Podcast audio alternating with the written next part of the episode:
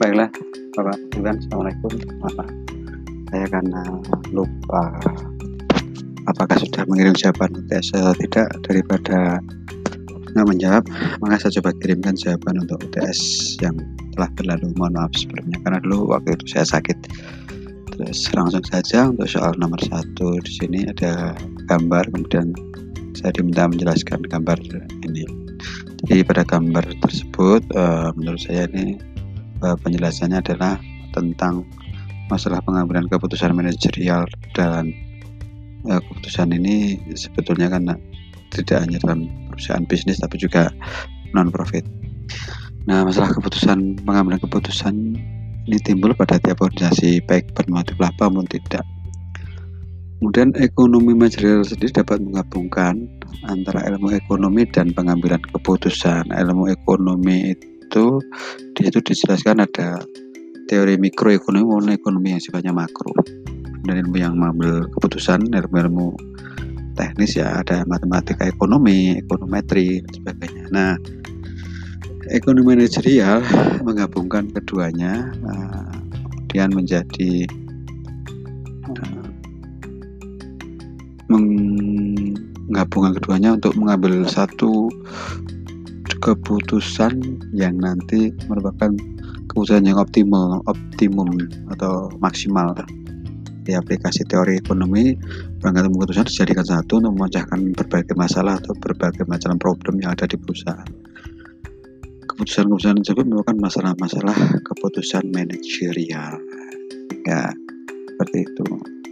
Jadi Eh, secara teori ekonomi manajerial mengkaji dan mengembangkan prinsip-prinsip keilmuan yang dapat digunakan sebagai rujukan untuk meningkatkan kualitas dan efektivitas pengambilan keputusan manajerial. Ekonomi manajerial akan sangat membantu para manajer untuk memahami bagaimana determinasi ekonomi memengaruhi kinerja organisasi dan perilaku manajerial. Dalam konteks pembelajaran ekonomi manajerial memanfaatkan seluruh alat analisis seperti metode kualitatif, statistik, ekonometrik, dan konsep-konsep manajemen strategik serta analisis keuangan.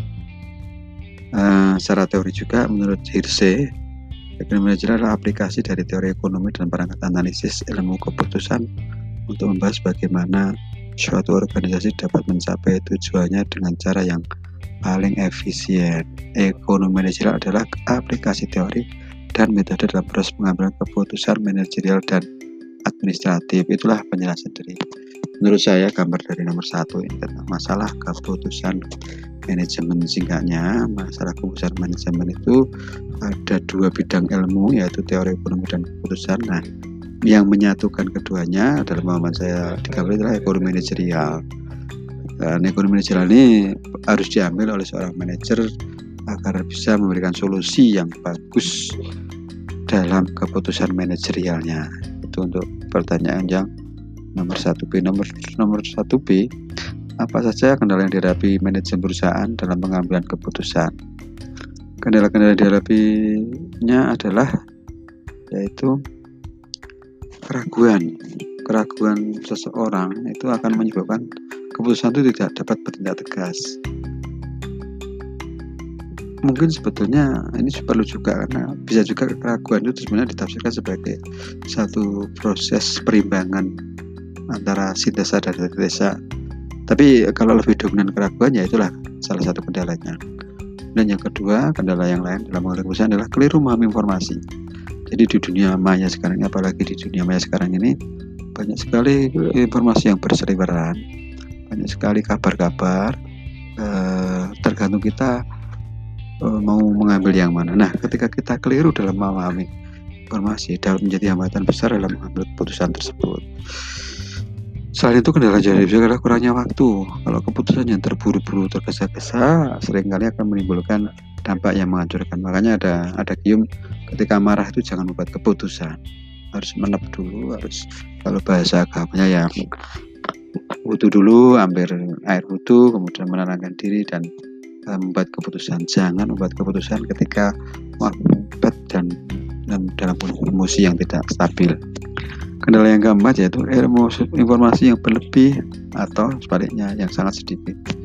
Itu juga mempengaruhi uh, dalam setiap keputusan. Keputusan itu harus memuat prinsipnya memuat uh, mendapatkan informasi yang berimbang. Jadi kalau informasi yang berimbang kemudian dihadapkan diharapkan dalam keputusan yang tepat. Kira-kira itu untuk nomor satu. Terima kasih